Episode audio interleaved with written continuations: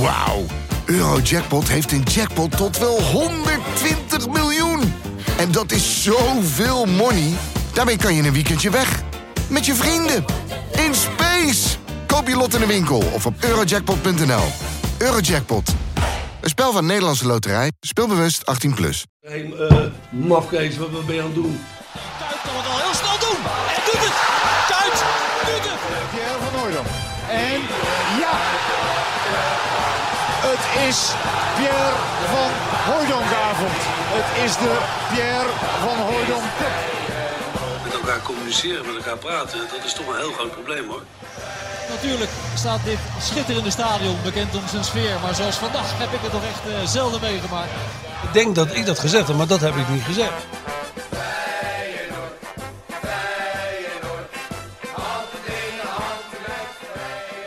Season 1, episode 5 van de Dik voor elkaar Final Podcast. Ja, er zijn podcasts die het helemaal in het Engels doen. Ja, maar dat, voor de internationale luisteraars. dat wordt wel tijd. Ik, ik, ik, het is ook een kwestie van tijd voordat wij worden ontdekt. Ik bedoel, Feyenoord is door Disney ontdekt. Nou kan eh, de grote podcast meneer uit Amerika niet achterblijven voor ons, denk ik. Nee, en eh, ze weten waar ze ons kunnen bereiken. Ja. En we staan overal voor open. Ja, ja jij zeker, ja. Want eh, ik ben blij dat alle Twitterberichten en zo, die gaan allemaal naar jou. Dat bevalt me wel. Ja, en het draaiboek. Voor je van het draaiboek? Ja, geweldig. Ja. Mensen hebben geen idee als ze naar dat gewauwel van ons luisteren. Maar lieve luisteraars, er is inderdaad een draaiboek. En geheel in traditie met eh, het merk Voetbal International wordt dat gewoon totaal genegeerd, het draaiboek. Alhoewel, ik open het altijd even om te kijken wat jij er weer van gebakken hebt. Maar eh, meestal schiet het alle kanten op, toch? Wat wij Ja, maar dat is ook zo. Maar ik heb het geprobeerd in een Excel-bestandje wat we van Freek Jans hebben gekregen. Dat kon je dan invullen. Maar als je dat dan invulde, schoot, verschoot het weer. En je kon... eh, Ik vind jou helemaal geen jongen, geen jongen voor Excel-bestanden. Ik zie jou gewoon nog als een van de laatste der Mohikanen bij VI.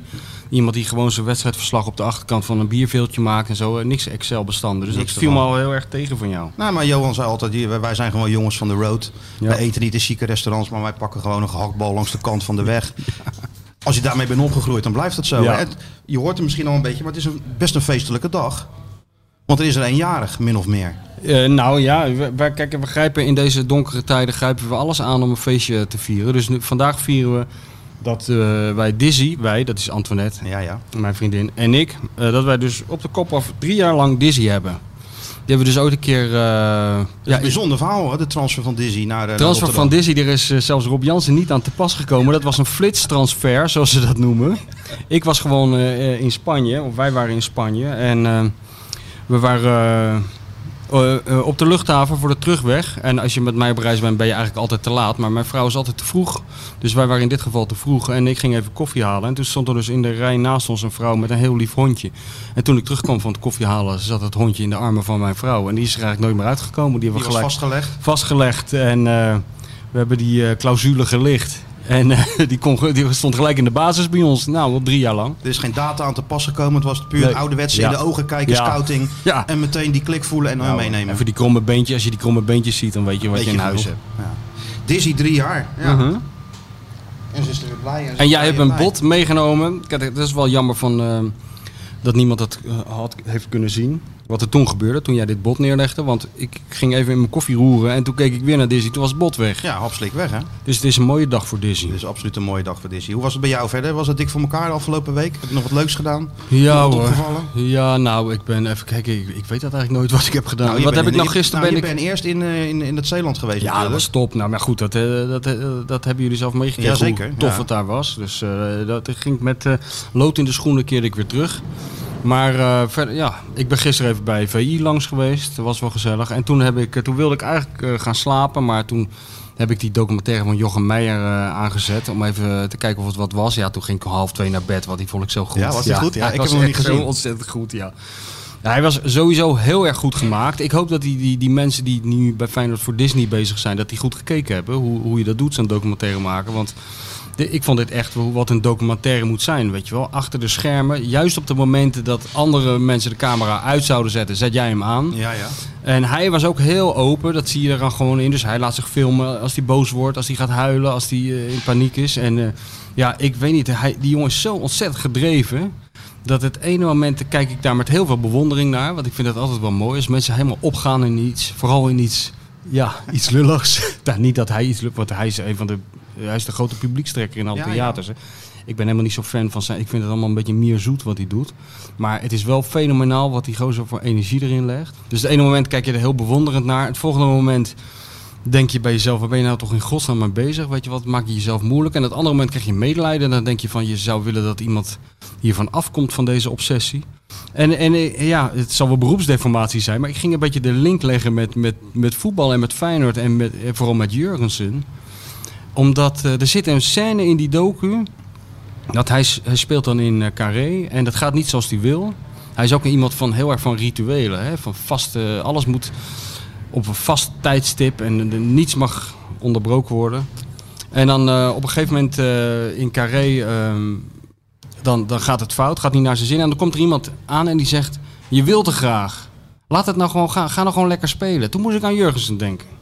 Snap je dat? Een beetje trainerstaal, hè? Ja, nee, maar het was wel... Ja, ik snap dat je aan Jurgensen moet denken, ja. Want die wil misschien ook wel te graag. Ik las die interviews in de voorbereiding van de Jurgensen. Dat, wat heb had hij? ook. Ja, ja, hij had toch allemaal dieet gevolgd. Wat had hij allemaal niet gedaan? dat was al in, eh, in januari in Marbella. Heb ik uitgebreid met hem gezeten. En dan vertelde hij dat hij eh, heel zijn leven over kop op, op zijn kop heeft gegooid. Een diëtist in de arm genomen. ehm, eh, praten met, eh, met mensen. Het was een, een Jurgensen 2.0. Dus hij- in zijn hoofd had hij er echt alles aan gedaan om eh, fitter weer terug te komen. Omdat hij natuurlijk wel last had gehad van allerlei blessuretjes. Dus ja, dan ga, ben je toch benieuwd. Hè? Van, nou, dan gaat het seizoen weer beginnen. Of de tweede helft van de competitie gaat weer beginnen. En dan zullen we het wel zien. Maar ja, alles wat die jongen doet, lijkt gewoon niet te lukken. En nou raakt hij ook weer geblesseerd in, eh, tijdens de warming-up. Dat je denkt van, ja, dit wordt een beetje een gebed zonder end zo. Ja, nee, maar wat jij zegt van hij, hij heeft er alles aan gedaan, dat geloof ik ook. In Maar zijn hoofd dan, hè? Ja, ja. Maar misschien heeft hij er juist te veel aan gedaan. Dat was dus bij die Jochem Ja, ja. Meijer het geval. Weet je wel. Die wilde het zo graag, die had er zo ontzettend op gefocust, dat hij, dat hij een beetje verkrampt of zo raakte.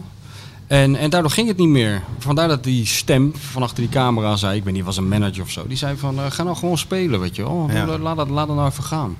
Dus eh, nee, daar daar heb ik me wel enorm mee vermaakt eh, met die docu, moet ik zeggen. Dus Ja, ik, maar- ik, ik hoop dat, dat die Disney-mensjes eh, hebben opgelet. En dit ze lopen in, in de final trainingspakken rond, heb ik al gezien. Ze zijn echt embedded. Ja. Dus eh, ja, je, ma- je hebt echt het idee dat ze onderdeel zijn van, eh, van alles wat om, eh, om Feyenoord heen hangt. Dus ik ben ook heel erg benieuwd eh, waar ze mee komen. En misschien is Jurkens inderdaad wel een apart hoofdstuk in die, in die docu. Want eh, ja, het kan, is, dat zal ik me ook laatst bedenken. Misschien heeft die Jurkens gewoon de pech gehad dat hij in dat eerste seizoen... alles wat hij aanraakte veranderde in Ja. goud. En dat, dat hij beter heeft gespeeld en meer heeft gescoord dan hij zelf ooit voor mogelijk Ja. heeft gehouden. Ja. De- En dan loop je altijd achter dat verwachtingspatroon aan. Ja, ja, Dat is kijk, moeilijk. Er is natuurlijk ook een theorie die zegt, dan had je hem ook gelijk moeten verkopen. Nou, die kans hebben ze natuurlijk gehad. Dan Ja. zouden ze nog wel eens wakker worden, denk je. En denk Ja. aan Newcastle dat Ja. 17 miljoen 17 euro miljoen. heeft geboden Ja. voor Jurkens. En dat ze zeiden van nou, we doen het toch maar niet, want misschien kunnen we de beker nog winnen. En wellicht speelt hij een goed eh, WK en dan krijgen we er 34 voor. Ja. Ja, nou ja, kijk, dat is altijd moeilijk, die afweging. En er is Feyenoord natuurlijk vaker mee de fout in gegaan. Alle clubs trouwens, dat is Ja. inherent. Maar het, het- misschien, misschien eh, is het probleem juist een stadium daarvoor van... Hoe kijk je eigenlijk naar, naar transfers? Is, dat, is het de bedoeling dat je daarmee het elftal sterker maakt alleen maar? Of is het om geld mee te verdienen? Als het is om geld mee te verdienen, had je gewoon gelijk ja moeten zeggen hoeveel doelpunten die ook maakt. Al had hij er 40 gemaakt. Bij Feyenoord zit in de situatie dat het ook nog steeds gaat om geld te verdienen Ja. natuurlijk. Omdat het de snelste manier is in het voetbal. Ja? En Ja. als je 17 miljoen kunt krijgen voor, de, voor, voor Jurkensen, ja, dan ben je eigenlijk natuurlijk een beetje gek. Z- Het zou bijna economisch misdadig zijn dat je, eh, dat je het niet hebt gedaan. En wat was nou, eh, is dat ook de druk van, ehm, van de publieke opinie, van het verwachtingspatroon van het legioen, dat ze misschien ook bang zijn om hun topscorer te verkopen? Nou Speelt ja, dat ik mee? denk, eh, eh, Martin van Geel was toen technisch directeur. En ik denk ook dat hij eh, redeneerde in de zin van, ja, we winnen de beker. En eh, dat staat ook mooi op mijn cv straks als, eh, als, technisch directeur. Eh, we moeten ons plaatsen voor Europees voetbal. En, en met een beetje mazzel verkopen we hem voor, voor nog meer. Maar wat die investeerders en zo, ja, dat zal allemaal lekker, lekker wel. Het geld wat we binnenkrijgen kan ik toch niet meer herinvesteren. Dus ja, in zo'n situatie kiezen mensen natuurlijk ook gewoon voor, voor zichzelf. En, Ja. voor, en, voor, en voor het elftal. Maar 17 miljoen, hé. Eigenlijk moet je daar gewoon een richtlijn voor hebben als club. Weet je wel, als iemand, als iemand een bedrag biedt wat, eh, weet ik veel, acht keer zo hoog is als het bedrag waarvoor je hem gekocht hebt, wie het ook is, hup, de deur uit. Of zes keer of vier keer. wegbrengen. Ja, toch? Ja, dat vind ik wel, ja. Maar dat gebeurt nooit. Nee, en dat is, dat, dan, dan komt de emotie en dat soort dingen komen, komen er ook bij kijken. Hè? Het verwachtingspatroon van het publiek. En wat jij zegt, de persoonlijke status die eraan hangt. Maar die Jurkens is, is eigenlijk wel een soort van, van, van lullig geval. Omdat het eigenlijk een hele aardige gozer is. Dus ik vaak, eh, vaak geïnterviewd. Hij is altijd relaxed, zo'n echte Deen, weet je wel. Maakt zich niet druk. Nou, maar Altijd als ik, dat hoor, als ik dat hoor wat hij er allemaal... Dat, dat maakt helemaal niet de indruk van iemand die relaxed is. Nou, maar relaxed in de zin van dat als je tegenover elkaar zit. Ja, Kijk, ja. Ik zou jou nu ook relaxed kunnen noemen. Ja, Hè? Omdat je gewoon heel ontspannen zit of je verhaaltje te vertellen. Heeft hij ook. ja, ja, ja. ja. Dus ja, Maar in die eh, hersenpan kennelijk. dan gaat er van alles in, in, eh, in de rond, ja. Kijk, dat, zie je ook bij, dat zag je ook bij de Jochem Meijer. Ik ga niet de hele tijd over die Jochem Meijer hebben trouwens hoor. Maar het zit nog een Ja, maar ik beetje ga vers. wel kijken. Ja, het zit vers in mijn hoofd. Maar dan zie je ook een enorm verschil tussen hoe hij is als hij eh, tussen 100 fans in de foyer staat. Wat hij dan allemaal doet om die mensen een goed gevoel te geven. Dat is onvoorstelbaar. Kunnen trouwens sommige voetballers ook wel weer wat van leren, moet ik zeggen. Maar eh, dat contrast met, met, met, eh, met wat zich allemaal onder die hersenpan afspeelt. En de druk die die jongen zichzelf oplegt. Dat zou best wel eens eh, ook bij de Jurgens het geval kunnen zijn. Hè? Uiterlijk heel relaxed, maar ja, Maar van binnen gebeurt van binnen. En, alles. en, en, en op die positie, ik weet je al, als spits, ik kan me helemaal goed, kan me hartstikke goed voorstellen. Druk is groot, hè? Ja, Ik moet zeggen, bij die Jochem Meijer, als ik, ik, ik zie daar natuurlijk ook wel eens beelden van. Ik vind die, die imitaties zijn soms echt geniaal. Weet je, als je in een minuut gewoon van Piet Paulusma naar, eh, naar eh, weet ik veel, naar Jos Brink Dat is gaat. niet. Dat is echt meesterlijk. ja. Maar ik ben ook back-off. Als ik er Ja. een minuut naar al zit te kijken, Ja. denk ik, moet ik eventjes eh, even gaan liggen. Nee, maar dat had ik gisteren bij die do Ik moest ook aan René van der Gijp denken. Die zei dat ook altijd. Van, eh, als hij dan naar de Tour zat te kijken op de bank liggend. Dat hij dan doodmoe werd van die bergetappes. Door er alleen al naar te kijken. Nou, dat had ik gisteren met die Jochem Meijer ook. Je, je ziet om de vijf minuten. Komt hij weer hijgend als een molenpaard en drijfnat van het zweet. Echt iemand die een Europa Cup finale heeft gespeeld. Komt hij die kleedkamer in. Weet je, hij analyseert het ook als, eh, als een voetbalwedstrijd. Weet je wel. Goede tweede helft, zegt hij op een gegeven moment. Ja, je kan het, het is heel... Ik ga hem nog een keer kijken. Zou Dick Advocaat het ook hebben? Ehm, ja, nou, die, die bezetenheid heeft hij natuurlijk wel. Eh, die- zelfkritiek, dat weet ik niet wat die Meijer heeft. Maar dat heeft bijna niemand, dat heeft niemand, denk ik. Maar ja, die bezetenheid heeft hij natuurlijk wel. En dat je afsluiten en eh, dat heel groot maken waar je mee bezig bent. En maar ik vind het dus ook mooi hoor. Ik hou heel erg van mensen in de gewoon... Gewoon in het leven ook. Mensen die hun hele leven kunnen opofferen aan iets heel kleins. Dus die, die iets gaan bestuderen waar verder niemand in de hele wereld in geïnteresseerd is. Of een heel dik boek gaan schrijven. Weet je wel, van, van, van 1200 pagina's over iets waarvan de rest van de wereld denkt: wat moet je ermee? Daar hou ik heel erg van. Een hele verhandeling over de laatste korenwolf. Dat soort dingen allemaal. Ja, ja, ja. Ja, dat is wel. Die, hele, hele ziel en zaligheid Ja. stoppen ze erin voor een, een, een, een- select groep mensen dat, mensen dat daar geïnteresseerd is in. Ja, natuurlijk. eigenlijk doen ze voor zichzelf. Ja. Ze doen het voor zichzelf.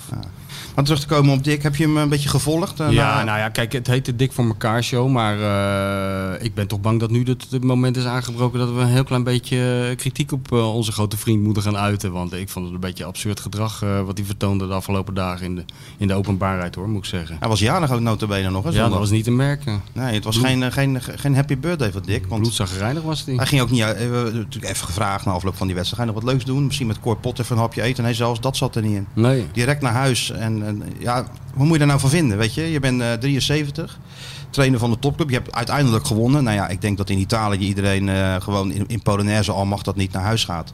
Want ja, gewoon die eh, drie punten en verder zeuren we niet. Maar hier ging het toch wel weer over het spel wat, eh, wat, wat, wat matig was. Eh ADO Den Haag dat eh, met een matige ploeg eh, het toch vrij makkelijk doorheen eh, voetbalde. Hoe heb jij dat beleefd? Hoe heb je Nou, dat- ik, ik dacht eigenlijk, ik zat er ook aan te denken van wat is dat nou eh, dat hij eh, op slag zo zagrijnig is en zich op zo, zo gedraagt. Maar ja, de uitslag geeft er geen reden toe en de reeks tot nu toe ook niet. En de manier waarop die, hoe, hoe die wordt bejegend ook niet. En bovendien er zijn wel grotere problemen in Nederland dan een, een, eh, dan een spits die niet functioneert, weet je wel. Maar ik, ik dacht van misschien heeft hij gewoon wel diep van binnen enorm spijt dat hij zich heeft laten overhalen om een keer een concessie te doen met dat, met dat rare druk zetten. Jij weet er meer van, maar Ja, als het nou, inderdaad is zo het- is dat die spelers... Dat hij- klopt. dat hij tegen die spelers heeft gezegd van laat het dan maar zien, weet je wel. Laat, laat, maar, laat mij maar een keer zien dat je dat kan tegen de slechtste ploeg in de eredivisie. En dat loopt dan zo, dat hij misschien na afloop dacht, wat ben ik eigenlijk een lul geweest dat ik dat heb toegestaan. Ah, dat zou kunnen. Eh, hij heeft ze natuurlijk eh, toegestaan om druk te zetten. Omdat hij die beelden van ADO natuurlijk had bekeken. Tegen eh Heracles en, en Groningen. Ja, er was natuurlijk ook een elftal van niks. Met, dat speelde ook maar met twee middenvelden. Steeds in wisselende systemen. Ja, die komen naar de Kuip. En dan snap ik dat je als trainer denkt van nou... Die zetten we onder druk en dan is het eh, na een minuutje 25 wel beslist. Alleen ADO had het even wat anders gedaan. Die hebben nou eindelijk een keer een logische opstelling. Met een beetje snelheid voorin. Drie middenvelders en een spits die een beetje balvast was. Ze gingen druk zetten. Ja, en toen kwam in de ogen van de advocaat het aloude probleem natuurlijk weer om de hoek kijken. Dat elke diepe bal, met al die aanvallende spelers die Feyenoord heeft en voor de bal staan, dat de tegenstander gevaarlijk Ja. kan worden. Zelfs ADO met Satic, met Arweiler en met eh Bezuijen en, en, en, en dat soort jongens. Ja, dat zag er toch op een gegeven moment wel precair uit. 1-0 achter, kansen op, eh, op 2-0 zelfs. Dus ik denk dat advocaat eh, ten eerste daarvan is geschrokken. En dat het hem gewoon niet zint dat een deel van de spelersgroep een, op een andere manier wil voetballen dan dat hij voor ogen heeft. Hè. Een manier die in alle eerlijkheid natuurlijk wel succes heeft, eh, heeft opgeleverd. Ja, daarom. hij is een trainer die kijkt gewoon naar wat heb ik eh, voor selectie, wat heb ik lopen. Nou, hij gaat dit elftal langs. Eh, als we achterin beginnen, nou ja, twee backs, Nieuwkoop en, en Haps die heel aanvallend denken. Die ook in het verleden natuurlijk op andere posities hebben gespeeld. Ik geloof Nieuwkoop eh middenvelder, Haps is linksbuiten geweest. Pak je het middenveld dit keer met, met Kuksu, denkt aanvallend. Ver was vroeger natuurlijk ook een speler die van box to box ging. Toornstra kwam er dan in.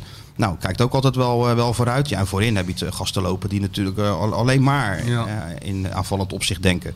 Dus advocaat, die redeneert gewoon heel simpel. Als ik met deze ploeg vol ga druk zetten en op de aanval ga spelen, komen we gewoon in de problemen. Jaap Stam heeft het geprobeerd vorig jaar. Het enige wat dat opleverde waren kansen en doelpunten voor de tegenstanders. Met Fortuna uit 4-2, Ajax 4-0 bij, bij Rust, AZ thuis 0-3. Ja, maar als je, als je dat dan eh, in je hoofd he- hebt en je hebt een spelersgroep die zegt... ja, maar trainer, wij, wij willen gewoon aanvallen. Dan heb je wel een probleem dat je even moet, moet gaan oplossen deze week. Maar was het nou ingegeven door de, door de twee voorgaande wedstrijden van ADO? Of was het ingegeven door de wens van de spelersgroep? Dat ze Nou, dit volgens mij is het ingegeven doordat hij ADO heeft gezien en, gedacht, Mm. en heeft gedacht van... Nou, als ze druk willen zetten en het kan een keer, dan kan het vandaag. Maar Ja, ja, het kon dus, Maar goed, het, hij het kende dus dus- zondag ook al niet. Nee, maar hij kende dus het verlangen in de spelersgroep. Dat leefde dus kennelijk al langer om druk te gaan zetten. Maar waar is dat nou in godsnaam op gebaseerd? Ja, dat weet ik ook niet. Ehm, spelers voelen dat en die willen natuurlijk... Kijk, als speler wil welke spelers voelen dat eigenlijk? Oh, Wie je daar het de- ook een beetje naar je zin hebben als speler. Als je naar Berghuis neemt, hè, die, die is natuurlijk een, een speler die graag de bal heeft. ehm, die wil domineren, die wil eh, creëren. En dat doe je natuurlijk liefst op de helft van de, van de tegenstander. Kijk, het is natuurlijk het makkelijkste systeem is dat, eh, dat druk zetten. Je moet natuurlijk wel goed trainen. Maar voor, voor aanvallers zoals Berghuis, ja, die jaagt dan door op zo'n, op zo'n back of op zo'n centrum. Hetzelfde geldt voor Jurkensen. Bal wordt er eh, doorheen gespeeld en het werk zit erop. Ja. En als je, als je wat inzakt, ja, dan moet je ook mee met je, met, met je directe tegenstander. Dan wordt er wat meer van je gevraagd. Ik denk dat daar ook een deel van, eh, van de nou ja, ik wil nu, ja, kritiek zit van, van wat de spelers dan, eh, dan hebben. Dat ze vinden dat ze, eh, dat ze minder zelf aan, aan voetballen toekomen op, op deze manier. Ja, maar ja, maar als iets werkt... Ja, dat, is het gekke aan dat hele verhaal. Weet je, kijk, als je dit nou doet nadat je zeven keer verloren hebt, Ja. dan kan ik me voorstellen dat je op een gegeven moment op de deur van de trainer gaat kloppen en gaat zeggen: "We- we gaan het even anders doen. Maar ehm, jij zegt van ze willen het ook een beetje naar de zin hebben, maar ze willen ook vooral succes. En dat hebben ze toch eh, op één wedstrijdje na heel erg gehad. ja, zeker. Ja. Weliswaar nog niet in de vorm van een prijs, wel plaatsing voor Europees voetbal. Maar dat is ook natuurlijk ook zo. Maar goed, dat die gasten een mening hebben, dat vind ik al vrij opmerkelijk. En dat ze hem kennelijk eh, doorweten. Maar dat advocaat daar dus aan heeft toegegeven, dat vind ik dus zo opvallend. Iemand die er echt niet onbekend staat dat hij, eh, dat hij zijn werkwijze graag aanpast. Eh, en dat hij dan toch heeft gedaan. Eh, Denk jij nou dat hij dat heeft gedaan omdat hij vermoedde dat er een succes in zat? Of heeft hij gedacht van nou, laat het dan maar zien. En als, als het dan niet lukt, dan kan ik er gelijk een streep onder zetten en klaar ermee. Nee, dat is misschien eh, iets bijkomends. Hij heeft gewoon gedacht, het kan wel tegen ADO. Dus Hmm. laat ze het dan maar doen. Vorige week hebben ze natuurlijk ook al gesprek gehad. En Berghuis is natuurlijk zeer kritisch geweest eh, na, hè, na afloop van die wedstrijd tegen Twente. Nou ja, zeer kritisch. Ja, nou ja, ook, vond- ja, in de ogen van advocaat, ja. auto- ja, maar, ook dat in de is ogen ook van maar- meer mensen in de Kuip. En, eh, maar het was niet nieuw, want zo heeft hij natuurlijk al 15 keer voor de camera gestaan. Dat het voetbal niet goed was en, eh, en dat het dominante moest, et cetera. Dus deze jongen zegt wel gewoon hoe hij erover denkt. Belachelijk. En, ik vond het gewoon belachelijk, weet je wel. Dat je daar, dat je daar zo'n zaak van maakt en hem als een, als een kleuter op het matje roept. Ik vind het echt zo waanzinnig. Je eist al, al die trainers eisen allemaal personalities in het veld. Ze willen allemaal dat die gasten persoonlijkheid hebben. Dat ze zelf beslissingen nemen in het veld. Als het, als het een keer fout gaat of een keer niet loopt zoals het moet. Dat ze zelf dingen gaan omzetten. Dus je, je vraagt, dat vraag je van die spelers. Du moment dat ze iets zeggen wat jou eventjes niet bevalt. En hij verder... Hij heeft dik advocaat niet met een dictator vergeleken of zo. Het was gewoon een hele keurige inhoud, nee. inhoudelijke kritiek. En dan eh, wordt dat zo de kop ingedrukt. Ik Het is wel grappig dat je dat nou zegt, want we hebben een vraag binnengekregen. We gaan natuurlijk van hot naar her hè, in Ja. deze podcast. Van eh, Leo uit Baarn. En, en, en hij vroeg, eh, vinden jullie ook niet dat Feyenoord persoonlijkheden mist? Hè, Berghuis is de beste, maar hij lijkt toch niet te hebben wat Guidetti en Pelle wel hadden qua, qua uitstraling en qua Ja. presence en zo. Ja, hoe, hoe zie jij dat? Nou, dat klopt wel, ja. Maar goed, de, de, de, de, de omgeving is er dus ook kennelijk niet naar om eh, je als perso- eh, personality te ontwikkelen. Want op het moment dat je dus kennelijk iets voor- de camera zegt, wat heel inhoudelijk was. En wat iedereen gewoon heeft kunnen zien. Want ja, Berghuis zei helemaal niks geks. Wij, wij hebben dat allemaal gezegd toen we naar die tv zaten te staren. En hij mag dat dan niet zeggen van dik advocaat. Die gaat hem dan op het matje roepen. Terwijl die advocaat later gewoon Heb je een spiegel, vroeg advocaat? Ja, Tijdens het, eh, nee, maar ik zou zeggen, heeft de advocaat een eh, spiegel? Want eh, toen hij naar, eh hoe heet die, Boziniek werd gevraagd. Kijk, toen zei hij niet veel, maar als je naar zijn kop, dat was eigenlijk dodelijk. Dat was veel dodelijker dan eh, wat Berghuis zei. en als je hoort hoe hij in één opmerking de hele jeugdopleiding over, eh, Afserveert. Kijk, eh, hij zal best gelijk hebben en hij mag dat ook. Ik vind dat iedereen alles mag zeggen. Niet zo krampachtig doen joh, over het voetbal. Het is allemaal geen, zijn geen staatsgeheimen die worden onthuld. Maar het, is, het, het maakt het er voor jeugdspelers niet aantrekkelijker op. Eh, jongens die nu twijfelen van moet ik bij Feyenoord blijven... of moet ik een overstap maken naar een andere club... of andersom, jongens van bij een andere club naar Feyenoord willen komen. Als je dan de trainer hoort zeggen van... ja, die jeugdspelers, dit is allemaal niks, ze zijn niet goed genoeg. Dat is toch geen reclame? Nee, maar het is ook niet zo dat hij ze niet opstelt. Hè? Want eh, kijk, met, met, met Kuksu, met, eh, met eh, Nieuwkoop, Malasia als die fitte speelt. Bijlo staat in de goal. Dus je moet wel goed genoeg zijn. Het is een beetje... eh, Nee, maar Zo- kijk, zoals maar is ik- natuurlijk. ik wil alleen maar zeggen van het is voor, eh, voor voetbalbegrippen is wat advocaat eh, doet, dat is een stevige uitspraak. En ook die lichaamstaal over zijn spits, dat is, dat is best uit, dat is vrij ongebruikelijk. En ik vind het hartstikke leuk. Ik, ik zou willen dat iedereen dat gewoon deed. Maar dan moet je niet gaan piepen als, als jouw sterspeler die gewoon recht van spreken heeft, ook een keer zegt wat hij ervan vindt. Wat is daar erg aan? Nee, nee. Over- om even over die sterspeler, op die sterspeler terug te komen. Jij je, je observeert graag, maar wat is nou jouw indruk vanaf de buitenkant van, eh, van Berghuis? Want ik neem niet aan dat jij hem ooit eh, uitgebreid gesproken Nee, hebt. niet. Nou, ik Nee. vind het een beetje een ongrijpbare jongen, eerlijk gezegd. Ik heb, vraag me dat zelf ook wel eens af als ik ernaar zit te kijken. Ik heb ook gemengde gevoelens als ik, als ik hem na, na afloop van een wedstrijd zie. Soms denk ik, oh, een leuke, frisse gozer. En hij lekker plagerig tegen die verslaggevers af en toe. Vind ik ook wel leuk, weet je wel. Hij laat zich niet intimideren voor zo'n raar eh, Chris Woerts bord. Hij, hij, hij zegt Het gewoon... Chris Wood sponsorbord. een Chris, Chris Woerts eh, sponsorbord, waar Chris altijd zo opgewonden van wordt. Ja, dus dat ja. allemaal mooi recht staat allemaal. De een wordt het van een Van Gogh en de ander wordt het van een sponsorbord. Ja, ja. Maar eh, dus dat, dan denk ik, op dat soort momenten denk ik van, ja, wel, wel leuk. Soms vind ik hem ook een beetje bozig. Maar ik, ik krijg niet echt de hoogte van die Nee, jongen. Nee, nee, nee. Nee, dat is het. En, en, Maar dat krijg je ook niet meer, weet je wel, op deze manier. Want jij zegt, ik heb hem volgens mij nog nooit ontmoet Nee. of ook een keer een handje gegeven. Dus eh, je, je ziet hem ook nergens. Hè. Voetballers zijn ook niet meer in talkshows of in... in je, je ziet voetballers nergens meer, behalve dan een beetje geheig in zo'n microfoon... waar niemand op zit te wachten na afloop van zo'n wedstrijd. En, dus hoe, hoe moet ik weten hoe die jongen in elkaar zitten? Weet Nee, het, het is wel. Kijk, en.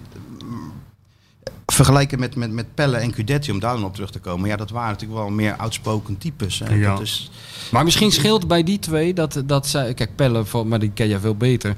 Maar die sprak volgens mij de taal niet, of nauwelijks. Die leven natuurlijk veel meer in een kokon. Hè? Die lezen waarschijnlijk ook helemaal niet wat er over hun geschreven wordt... of wat er gezegd Nou, wordt, wat de sentimenten zijn. dat is wel zo. Die Pelle was wel. Dat ik natuurlijk een prima relatie mee door dat, eh, door dat boekje wat ik met hem had gemaakt. Met die duizend vragen. En ehm, ja, dat waren natuurlijk beste vrienden. Als je 24 keer met elkaar luncht. En dat was ook altijd mooi dan. eh het was wel een leuke gozer, die Pelle. En dan zat hij altijd natuurlijk alles te bestellen. Heel die tafel vol. En zei hij altijd, I pay, hè, I pay. Ik zeg, nee, natuurlijk, jij betaalt. Maar ja, ik, ik kon dat toch declareren. Ja. Ik denk, eh, ik, dus ik ging even naar de wc en dan reken ik af. En dan ging hij altijd heel uitgebreid zo, die open zo roepen. Die moest dan komen, eh I want to pay. Zei, ja, hij heeft al betaald. En dan zei hij, who is the fucking millionaire? Not you, me. Ik zeg, nou, dat klopt. Ja, jij bent een miljonair, maar ja, Dat is altijd goed, hè? zo werkt het niet. Doe me, Ja, be- doe me een beetje denken aan die Slatan. Ik heb nog een keer die Slatan opgezocht in Parijs. Samen Oh ja. met, eh, met Thijs Slegers was er ook bij. En toen had... Dat is een dru- dru- druk tripje dan, of niet? Ja, en Andy van der Meijden was er ook bij. Ja, er was een gekkenhuis daar in dat hotel. Maar eh, het was wel een geweldige gozer die slaat. En ik moet zeggen, ik heb zelden zo'n voorkomende eh, superster gezien als hij. Die was echt zo ongelooflijk aardig tegen iedereen. Misschien trof hem op een goede dag hoor. Want ik kan me ook voorstellen dat hij lachend eh, je een klap voor je bek geeft. Maar eh, toen, eh, toen hadden we het over, over, over boeken en zo. En over zijn boek, weet je wel. En ik vroeg aan hem van hoe, hoe dat zat met zijn boek. Hij zegt, nou, dat gaat, gaat als een speer in Zweden. Hij zegt, dat ligt in heel Zweden, heb ik voor gezorgd. Ligt het in elke benzinepomp, zei die slaat dan. Van Noord, van, van, van het puntje van Zweden tot helemaal tot in Malmö, et cetera. Daar ligt in elke benzinepomp ligt mijn boek. Ik ga er ook voor zorgen dat het verplicht op school gelezen moet worden en bla bla bla. We kregen dat hele verhaal. En op een gegeven moment zei ik of, of Thijs, ik weet niet meer, zeiden van nou, als je nou een deel 2 maakt en je wil echt een beetje succes daarmee hebben, dan, eh, dan kunnen wij het ook uitgeven bij Voetbal International. Als grap. En hij was al begonnen toen hij binnenkwam met de vraag: How is de moustache? Ja, how's the man with the moustache? Ja. Zo, noemde, zo noemde Mino hem ook altijd. Ja, Johan Derksen. Dus slaat dan vroeg How is de moustache? Ik zei nou, prima.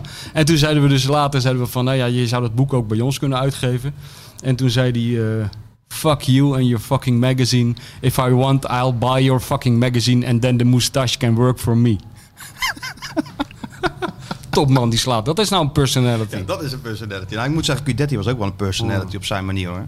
Want die had nog nooit een wedstrijd ergens op het hoogste niveau gespeeld. Die kwam van Manchester City. En ik weet nog goed, de eerste dag dat hij zich dan meldde, toen trainen ze nog op Varkenoord. Nou, daar kwam er wat een rossige jongen op de training die iedereen een, een hand gaf en eh, mee ging trainen. Nou, eigenlijk meteen al een soort van grote bek had. Ja, ja. En mooi. afloop gingen we even koffie met hem drinken. eh, Om, eh, en eh, dan kon hij zich een beetje kennis maken. Je weet hoe dat gaat. En toen vertelde hij dat hij was gekomen om kampioen te worden. Want ja, ja het Feyenoord was tiende geëindigd. Maar ik kon hem het schelen. Hij zag het stadion. En dan zag hij, ja, met zo'n club word je toch kampioen. En toen dachten wij al een beetje van... eh, nou, dat is wel een, een hele grote bek. Maar hij maakte het wel waar. En ook Ja. in die kleedkamer kwam hij dan binnen. En eh, ik, ik heb het volgens mij wel vaker gezegd. Die gasten hadden dan zo'n muziekinstallatie. En dan bepaalde Ruben Schaken, de muziek. Dus allemaal R&B en hip-hop en weet ik het allemaal.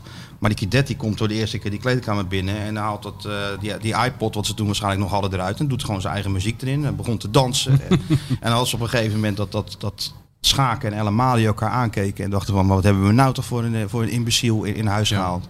Maar twee weken later was het wel zo dat als ze tegen Ajax moesten of tegen AZ of, of een, e- welke topwedstrijd dan ook. Dat ze allemaal even naar Kidetti keken. Die dan als eerste in de tunnel eh, ging Ja. staan dansen en de boel gek maakte. Ja. Ja, dus dat, dat, dat soort spelen. Kijk, dat is Berghuis dan weer niet in mijn Nee, eh, maar in ik mijn denk ook dat het echt dat soort dingen wat jij nou beschrijft met Gudetti, waarschijnlijk dat zit gewoon in die jongen. Dat zit in die Zo is jongen. hij waarschijnlijk ook op de middelbare school op de eerste dag binnengekomen. Waarschijnlijk die, die wel. hebben dat soort, eh, ja, één keer in de zoveel tijd, kom heb je zo'n type. En het mooiste is, kijk, hij heeft het waargemaakt. Ik vind altijd het mooiste van die mensen die dit doen en helemaal niet kunnen voetballen. Ja, die heb je ook. Dat is het leukste. Ja, die heb je ook, ja. ik weet nog dat ik een keer eh, achter Michael Biku ben aangegaan. Die eh, in zijn tijd bij Feyenoord, toen, toen, was hij spits. Maar toen had je ook Kieprits en Larsson en Van Loen, geloof ik. Hè. Had Feyenoord vier eh, goede spitsen. En toen werd hij eh, uitgeleend aan Helsingborg. Dat vond hij al onbegrijpelijk dat hij werd uitgeleend trouwens. Maar, en toen ben ik daarheen gegaan. En ja, wat Feyenoord zat met hem in, de, in, in, in, zijn maag, weet je wel. Moest- Hij moest gewoon eigenlijk even moven en eh, plek maken voor iemand anders. En, en ondertussen nog even voetballen, maar zo zag hij dat helemaal niet. Toen ben ik naar dat Helsingborg gegaan. Ik weet nog dat ik op de boot zat. Dus die speelde toen twee wedstrijden kort achter elkaar. En ik zat op de boot, toen kocht ik een Zweedse krant. Er stond in dat hij bij zijn debuut gelijk een rode kaart had gehad. Gewoon een doelpunt en een rode kaart. Weer een heel spectaculair begin. En eh, nou, ik naar dat clubje toe en daar in dat, eh, in dat spelershome. En eh, we- gingen we lunchen, of hij ging lunchen. Ze stonden allemaal in de rij voor, eh, voor het buffet. En eh, toen sloot ik aan. En ik zei, hey Mike. En toen zei hij, eh, ik zeg, wat doe jij nou eigenlijk hier in Zuid-Zweden? En toen zei hij, yeah, I'm here to save the club. ja, dat meende hij. Geweldig. En toen gingen we spaghetti in de rij staan. Ik mocht gewoon mee eten met dat elftal. En toen kreeg je weer zo'n scène die we bij Feyenoord ook al hadden meegemaakt. Dat er stond zo'n hele grote trog spaghetti voor die gasten, weet je wel. Dus die Mike die houdt zo zijn bord omhoog. En die vrouw die kwakte zo'n hele berg spaghetti op. En hij zegt, wat is dit? Ja, zegt die vrouw spaghetti. No, no, Mike don't eat spaghetti. Mike only, Mike only eats steak. Zei hij toen. En dat zei was hem maar te regelen. Ja, zei die vrouw, we hebben alleen spaghetti. Ja, Mike only eats steak. Dat heeft hij bij Feyenoord ook gedaan, hè, op zijn eerste dag. Oh, ja. Gerard Meijer wel eens verteld. Toen was hij naar Meijer toe gegaan. Toen zei hij, Mike only eats the big steak. Toen zei die Gerard, nou, dan zul je wel honger hebben vandaag. en toen zijn ze verder gegaan met eten. Maar hij is altijd mooi van die gasten die van nature, wat, die, wat jij beschrijft met die Guidetti. En ook wel pellen. Ja, die dat van nature hebben. Dat is natuurlijk wel mooi. Ja. En het was, viel me wel op dat, dat soort types toch wel behoefte hebben aan een... eh, aan, en dat is ook zo gek dat het dan met advocaten een beetje op deze manier loopt. Eh, Ze hadden eigenlijk maar voor één iemand ontzag, Pelle en Kidetti dan. Dat was voor Koeman. Ja. Als die Kidetti twee keer had gescoord of iets had gedaan. eh, we kwamen dan tegen de afloop van de wedstrijd. Zeiden je, what did Koeman say? did Koeman say anything? Ja, Ik zeg, ja, hij was satisfied. Oh, helemaal blij. En we Ja. Pelle eigenlijk hetzelfde. ja, ja. Dus dat is wel, eh, dat, dat is wel gek. Heb jij trouwens wel eens meegemaakt dat eh, een spelersgroep iets anders wilde dan een, eh, dan een trainer? Ik kan me herinneren dat, dat de Don ooit opstapte naar, dat was volgens mij in 2000, omdat hij ook vond dat, dat het niet meer ging. Hè? Tussen toen. Het Tussen, was na een wedstrijd tegen Utrecht, hè? ja, ja, ja, ja. Ik zou je vertellen dat ik dat helemaal toen heb gemist. Omdat ik, volgens mij was dat zo dat die wedstrijd om half één begon. En ik dacht dat hij om half drie begon.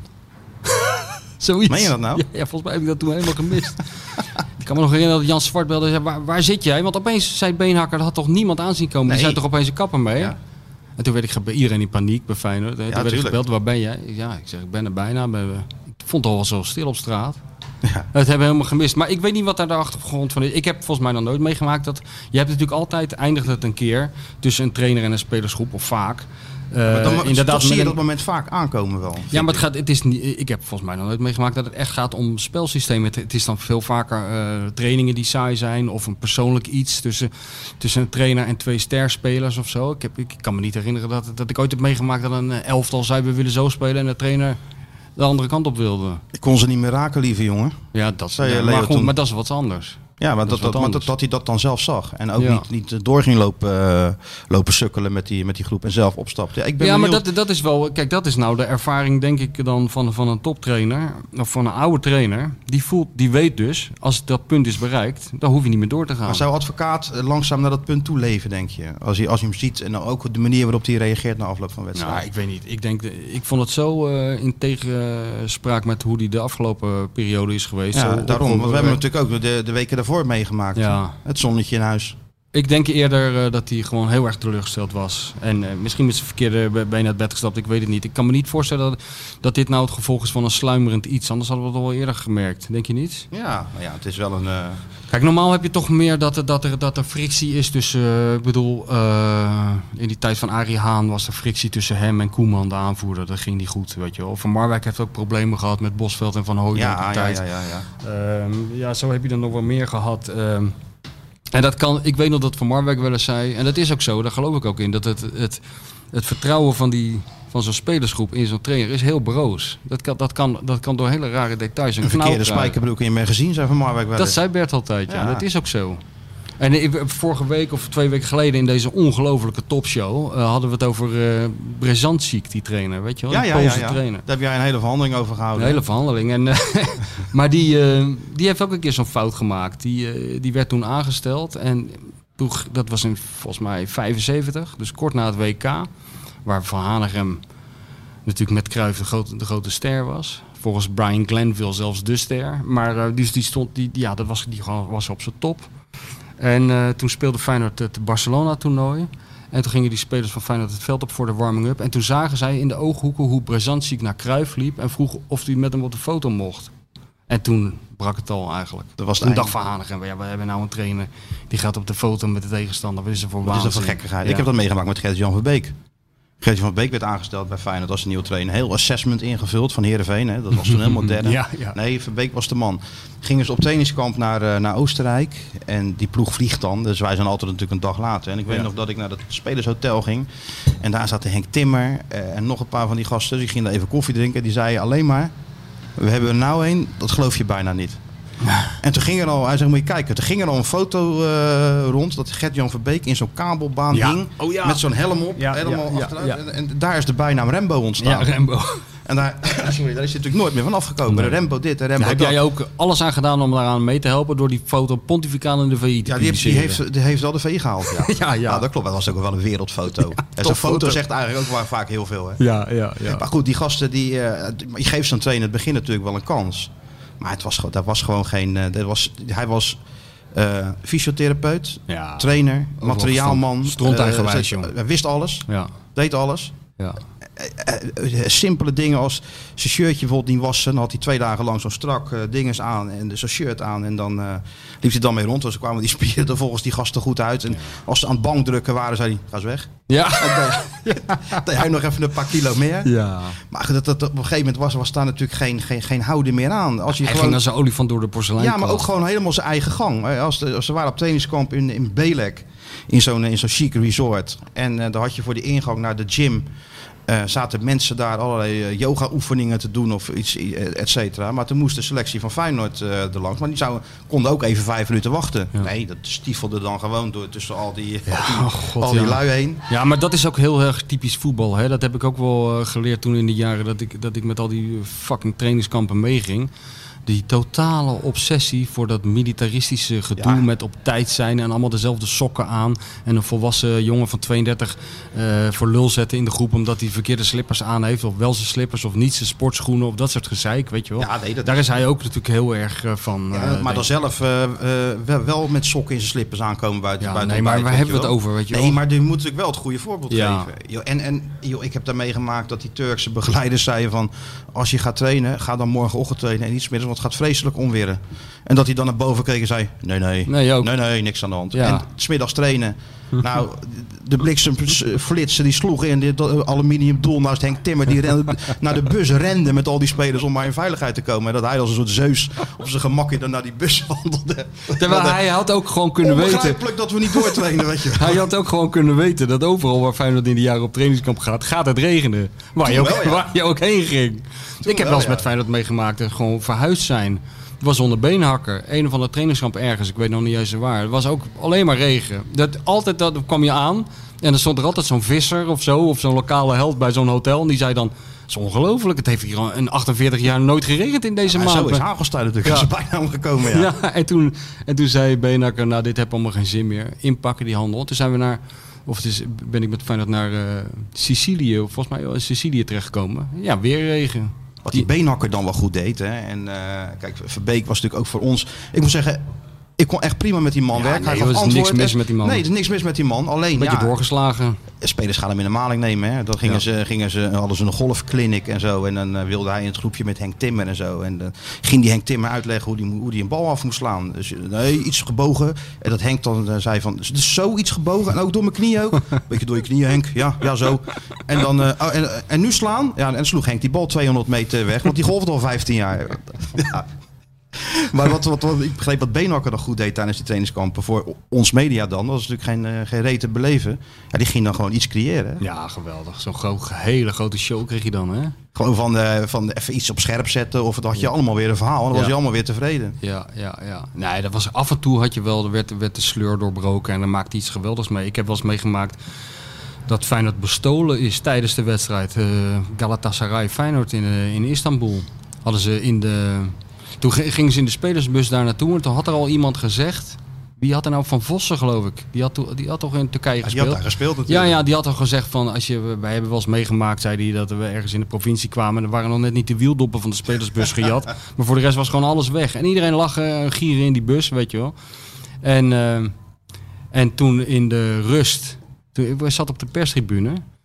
In dat hele grote Ali Samien stadion. Met allemaal met 80.000 van die gekken om je heen. Was dat toen eh, Siep van de Telegraaf de Ja. opstelling ging oproepen? nee, nee, ja, dat was die trip, ja.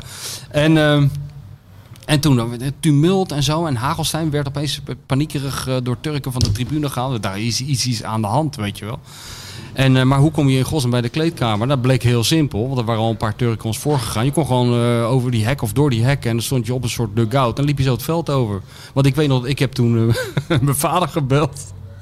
Ik zei, zit je Eurosport te kijken? Hij zegt ja. Ik zei, moet je even wachten, ik loop zo het veld over. Dat was ook zo. En toen liepen we naar de kleedkamer en eh, toen hadden ze de kleedkamer eh, opengebroken. Dudex en eh, ze- ze- ze- zijn creditcard kwijt en zijn horloges en dat soort gedoe en zo. Dus af en toe maakte je wel wat mee op die trainingskamp. Dat was altijd leuk. Dat was leuk. ja. En dan met Benakker erbij. Ja, die, wat jij zegt, die geeft het dan gelijk aan.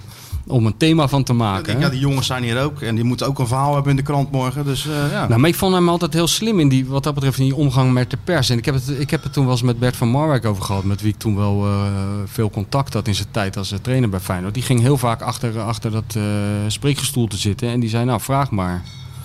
En dat is heel ongebruikelijk, want meestal begint zo'n trainer zo'n lulverhaaltje en dan kunnen die journalisten even denken, oh, waar zullen we op aanhaken? En nu, hij zei dan gewoon, nou, vraag maar. Waardoor er totale paniek ontstond in die perszaal. Oh, we moeten iets vragen. En dan is er altijd wel een Willem Vissers of zo die dan iets, iets gaat vragen. Het eerste beste wel aan te binnen schiet. En Ja. meestal is dat heel slecht nieuws voor de trainer. Zo'n vraag, weet je wel. En Beenhakker, die was natuurlijk heel slim. Want die, die, dacht, die lepelde gewoon een kant-en-klaar verhaal op. Als je dat zou opnemen soms, die monologen. Dan kon je gewoon blind intypen. Dan zat je tien minuten later zat je op het terras. Dan was je klaar met je werk. Dick Advocaat zei wel eens dat eh, toen Michels in het ziekenhuis lag met zijn hartaanval. Toen gingen zij naar Hongarije voor die befaamde wedstrijd met die goal van Rob de Wit. Ja. En Beenhakker en Advocaat deden die wedstrijd samen. En Dick deed dan de trainingen en alles. Maar Beenhakker ging dan de bespreking doen. Hij zegt ja, het is echt ongekend. Hij gaat dan voor zijn groep staan. En hij begint te praten. Ja. Eh, en, en drie kwartier later met een enorme cirkel komt hij dan toch weer uit op waar hij begonnen is. Ja. maar dat was, dat is echt een, eh, ja, een gift van God, als je dat zo kan. Ja, en het is ook wel. eh, het, het, ik, ik denk dat dat misschien ook de reden is dat hij zo'n lange trainingscarrière heeft gehad. Want ehm, de verveling bij, in zo'n spelersgroep ligt altijd op de loer. Hè? Ja. En als ze, als ze het kunnen gaan voorspellen wat je gaat zeggen, dan ben je al een beetje op weg richting uitgang.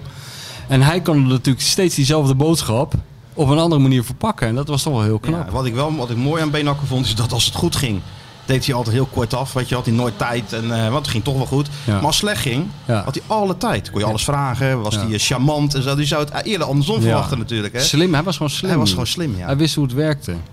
Het is ook niet zo ingewikkeld. Alleen, er is bij, vaak bij die trainers zo'n angst. En spelers helemaal, maar die kan je het niet kwalijk nemen, want die zijn ook jong. Maar bij, bij trainers vaak zo'n eh, ongegronde angst voor de media.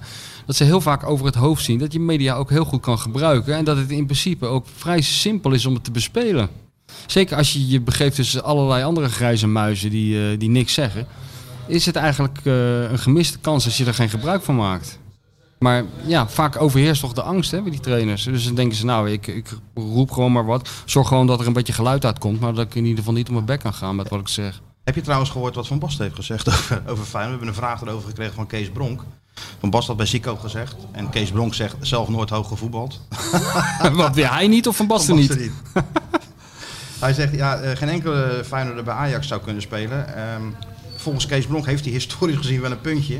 Want Wim Jansen ging erheen en kreeg als dank een sneeuwbal op zijn oog. En Feyenoord kreeg vanuit eh, Amsterdam Eddie PG, Witsche, Rep, eh, Cruijff. Nou ja, rap. Hè? Ja, inderdaad, rap. Ja, maar die was toen wel... eh, dat was niet de rap uit eh, 19, eh, 1972 Nee, of nee, nee. 74. Nee, dat was... en ik bedoel, Feyenoord heeft ook Tjöla Ling gehad volgens mij van Ajax. Ja, Die was ook... die liep, die had van ook... Loen, van Loen toch ook? Of? Van ja, van Loen Ja, best wel veel spelers van, van Ja. Ajax naar Feyenoord gegaan. Hè? Andersom Steels ook. niet te vergeten. Andersom ook. Er zijn ook spelers van Ajax naar Feyenoord en weer terug naar Ajax gegaan. Eh, Arnold Scholten kwam Ja. van Ajax, speelde bij Henk Groot vroeger. Jan Eversen. Jan Eversen. Jan is ook gewoon van eh, Feyenoord naar Ajax. Ja, maar niet, niet van... Je hebt ook spelers die zijn van Ajax naar Feyenoord en weer terug naar Ajax. Ja, dat ook ja. Ja. Nee, maar het is een beetje... Ja, ik weet niet. Kijk, Ajax heeft ook Ruud Geels. eh, die is vol- volgens mij vier keer topscorer van Nederland gewo- geworden in het Ajax-shirt. Die kwam gewoon... Die, die, wel weliswaar met een tussenstop. Maar in principe is hij zijn carrière bij Feyenoord begonnen. Ja, ja. En hij heeft ook als een gek gescoord. ja. Het Dus- is andersom was het nooit zo'n probleem volgens mij als een Feyenoord naar Ajax ging. Maar ik kan me herinneren dat Gary Steers kwam. Ja. Nou, dat was... eh, Ja, maar dat heb je, dat, die rivaliteit is natuurlijk een beetje onevenredig. Hè? Dat, eh, Ja, dat klopt. Die haat of haat. Nou, Maar dat was toen wel wat, vond ik hoor.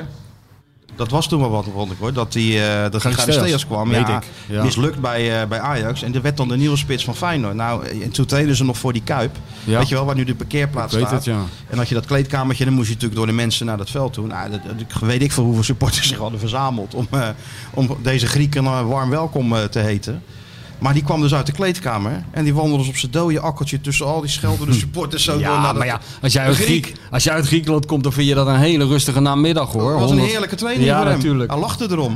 Maar dat vond ik ook wel mooi. Weet je Ja, dat Dus is jongen was onverstoorbaar Ja, wat dat betreft. dat is heerlijk. Wat een voorkomen maling aan. Maar dat, ik kan me dat nog heel goed herinneren, wa- want dat was in een hele ru- rumoerige periode bij Feyenoord. Eh, dat- Volgens mij ging dat toen over die talentpools en zo. Er was van alles aan de hand met geld. Chris had dat ook, eh, die talentpools natuurlijk bedacht met Onno Jacobs volgens mij. Ja, ja, ja. Dan konden ze dan investeren en dan Ja. 25% van de transfersom zou dan weer in die pool Ja. terug, eh, terugstromen. En zo. En toen- maar Heeft toen- Feyenoord wel geld opgeleverd. Ja, maar ook heel veel on- onrust toen. En ik, ik, ben, ik ben toen bij zo'n, zo'n er was zo'n soort inspraakavond van supporters.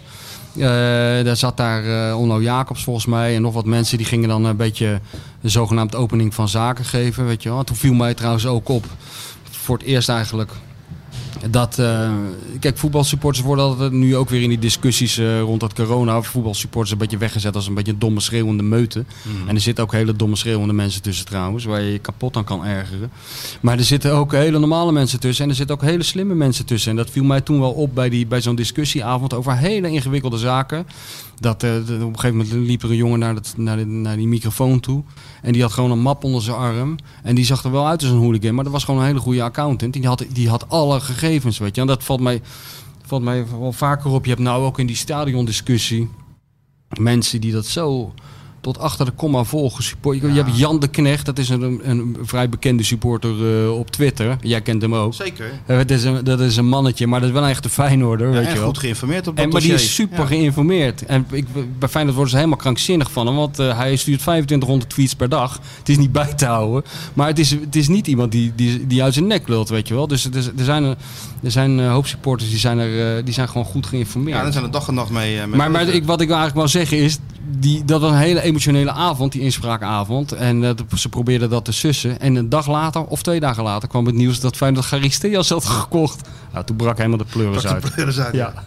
ja, mooi is dat, hè? Zullen we nog even koffie bestellen, of niet? Ja, dan moet je, ga je weer bellen? Want Ja, ik weet, dat werkte volgens mij niet, dat bellen vorige keer. Dan moeten we dan eh, deze uitzending onderbreken nu? Of ga je, zal ik gewoon koffie bestellen en jij lult de tijd vol? Kijk of je dat kan. Dat, lijkt me, dat, ook- dat lijkt me nog het allerbeste Sjoerd. plan, Sjoerd. Ja, dat dat is ook Sjoerd gewoon even, idee. even koffie gaat bestellen. Het duurt wel lang voordat die Sjoerd die hint. hè? hiervan, hè? Van ja, dat, eh, jij zat er een beetje op te hinten dat Sjoerd koffie zou halen. Ja, maar die keek weer stuurs voor zich uit. Ja. Deed alsof, Die ging ging er niks aan de hand was. Die ging opeens dizzy, ging dizzy aaien. Opeens. Ja. Nou, dan zitten we dan zonder Sjoerd. Zou dit gewoon, kunnen we nou gewoon doorpraten, denk je? mij wordt het gewoon allemaal opgenomen. Nou ja. Kunnen we al een vraagje doen? Ja. Van de niet zo bekende kunstenaar Eus Rovers. Ja, daar zou heb je hem hebben. weer. Daar heb je hem weer, hè?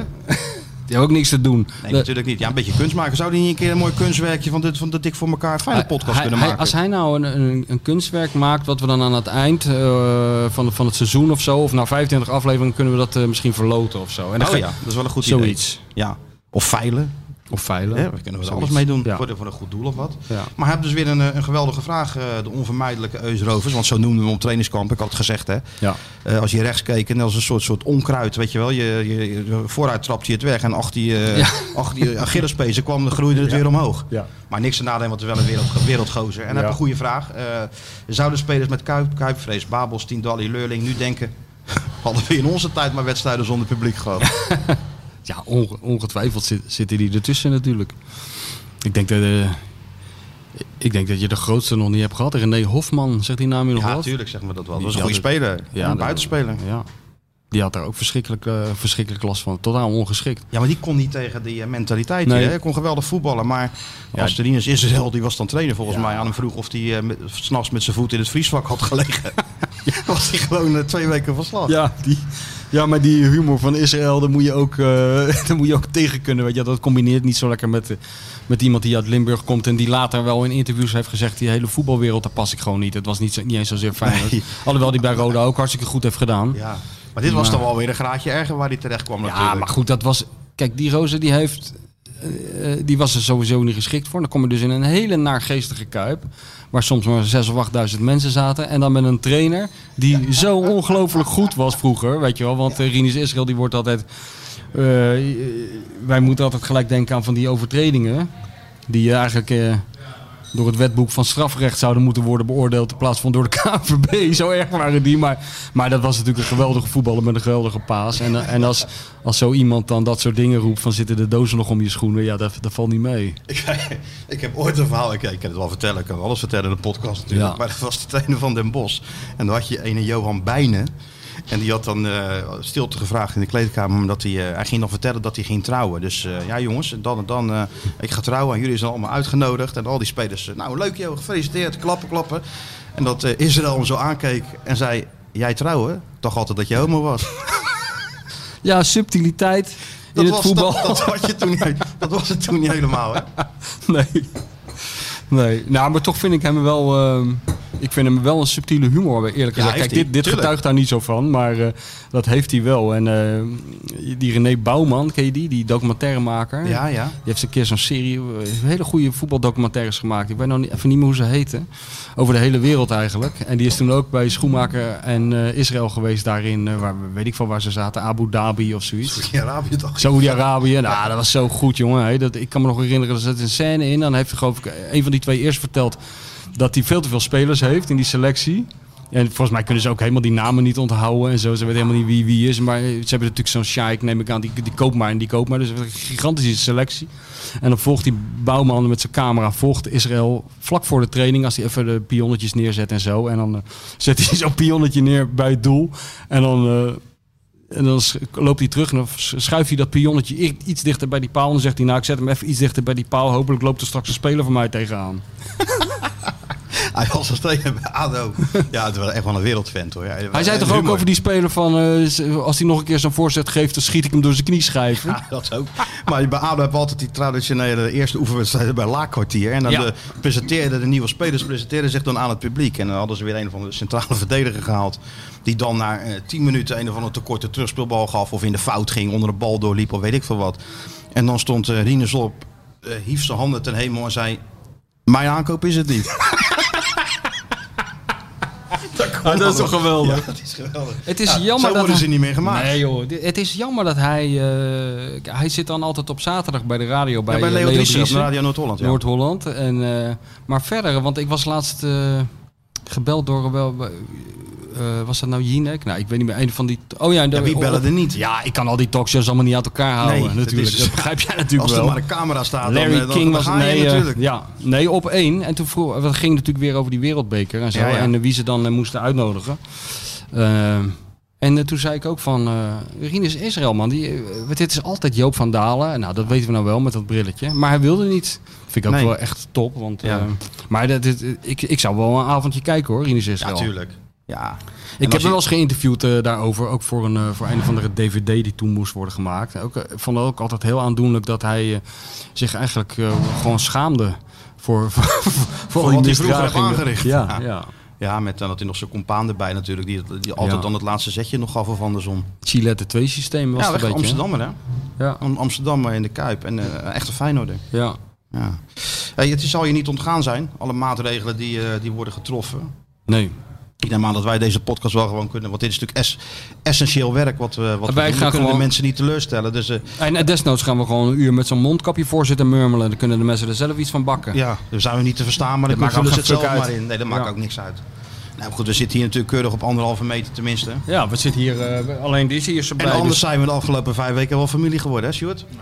Zo voelt het wel een beetje En inmiddels Sjoerd, een hoor. jongere broertje dat koffie voor ons haalt, ons goed verzorgt en ook gewoon zorgt dat we mensen aan de lijn eh, kunnen En dat we ook gewoon eh, mensen hebben die, eh, die naar die onzin luisteren en vragen stellen. Die horen ook bij de familie. Nee, we hebben het allemaal Ja, ontzettend en we hebben er wel weer één hoor, een vraag van, Ja? van Robert van Heusden. Zullen we hebben? Robbie uit Rotterdam. Ro- Die Robert momenteel- van Heusden? Ja, die momenteel renteniert op Ibiza. Of Maar die- renteniert. ik ken Robert van Heusden, als dat dezelfde is. Zeg het die, maar. Die, dat, dat, dat, is, eh, die, dat is een, iemand die, eh, dat is eigenlijk iemand die Chris Guillan het leven heeft gered. Voor mij is dat hem, ja. Ja, ja, ja, Ja. ja, nee, die ken ik. eh, die, die, heb ik die heb ik leren kennen. Nou, omdat hij. eh, ik heb een boekje geschreven, dat is verder iedereen ontgaan. Althans, het boek, niet, het boek wel, maar de hele actie niet. Maar ik heb toen over Gian geschreven. En ook een beetje over de gezondheidsproblemen die hij heeft. En eh, Chris heeft dus een, eh, een best wel serieus gezondheidsprobleem. En dat heeft zich Ja. eigenlijk geopenbaard eh, op een, mo- een moment dat hij aan het voetballen was met een stelletje Afrikaanse vrienden. in, in het Zuiderpark in Rotterdam. En toen kreeg hij dus een, een, een soort aanval. ehm, en, en dat was heel levensbedreigend. Hij raakte buiten bewustzijn en zo. Hij lag er op dat veld. Hij kreeg een soort epileptische aanval. En al die Afrikanen om hem heen die raakten totaal in paniek.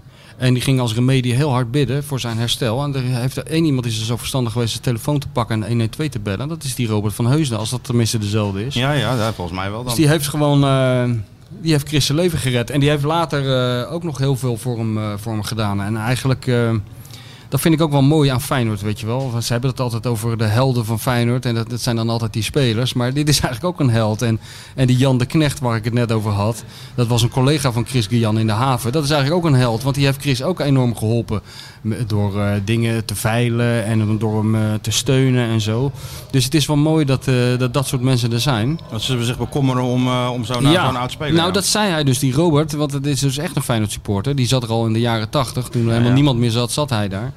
En die, die, zijn redenatie was ook van... Ja, ik heb als supporter enorm genoten van die Gian. En hij heeft eh, die cup gewonnen. En dan heb ik enorm van... Nou, nou, nu kan ik iets terug doen. Dan doe ik dat.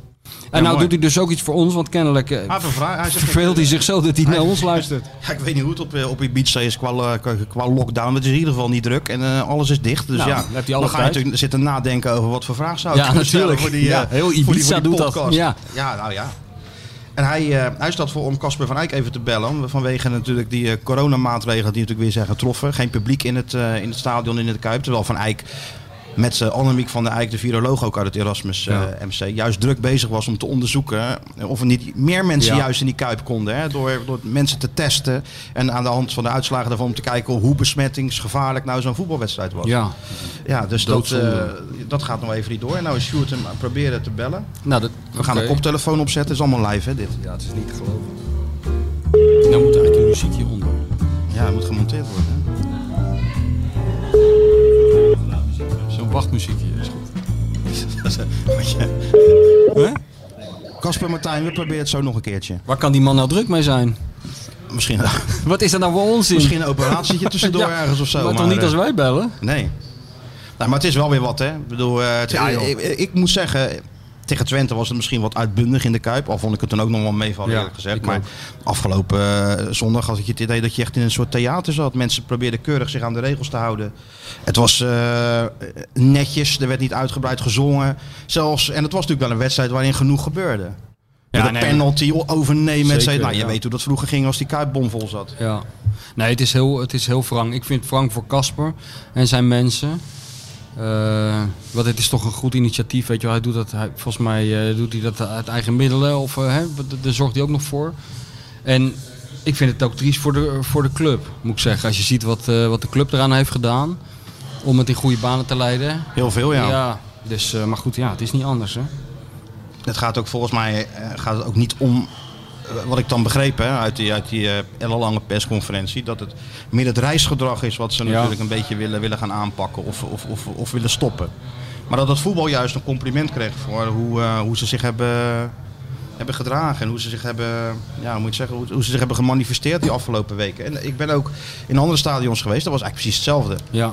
Maar weet jij eh, hoe lang Feyenoord dit gaat volhouden financieel? Is daar zicht op? Ik Ja, bedoel, ze kunnen het even volhouden, maar natuurlijk maar niet wat tot is even? Wat, wat Ja, is, is dat een paar maanden? Ze hadden of- natuurlijk al begroot zonder publiek.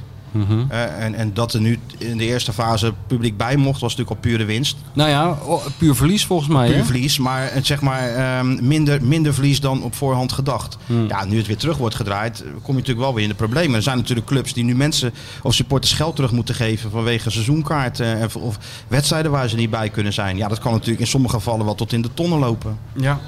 Is dat aan de hand? We- Weet je daar iets van? Bij clubs, ja, zeker. bij Feyenoord? Bij Feyenoord volgens mij vooralsnog niet. En Feyenoord heeft het redelijk eh, onder controle. Wat ik begreep dan van, uh, van Koevermans, die we tijdens een van die oefenwedstrijden even spraken. Mhm.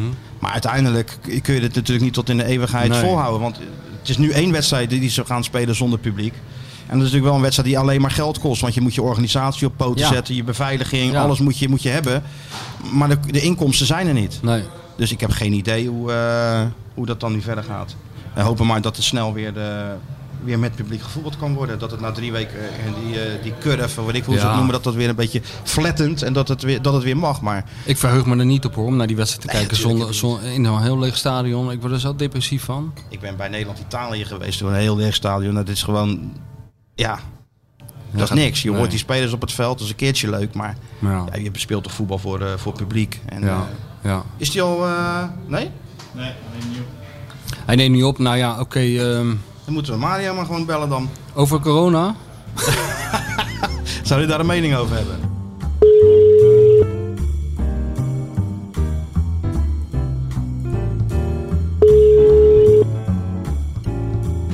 Hey Mario. Trainer, Ja. Martijn, zijn we weer. Hey! Met Michel. Hallo Mario. Hallo. Ja, we wilden even met eh, met Casper van Eyck bellen in de rubriek Ja, Hallo met Mario. Maar ik denk dat hij eh, druk is, dat hij staat te opereren of wat dan ook. Oh. En ja, de, de tweede, de, de, de tweede eh, ja, deskundige ben jij natuurlijk op het gebied van corona, et cetera. Nee, zonder gekheid. Dat zullen we je niet vragen. Maar eh, we vragen ons wel af. Jij hebt met, eh, met, met, met Dick Advocaat natuurlijk gewerkt. Wat is er met hem, Ja. aan, de- wat is er met hem aan de hand? Hij is zo, eh, zo kriegelig. Ja, ik denk dat hij gewoon niet tevreden is over, over de manier van spelen. En eh, ja, iedereen bemoeit zich ermee natuurlijk. Over druk zetten, hoog druk zetten, laag druk zetten, helemaal geen druk zetten.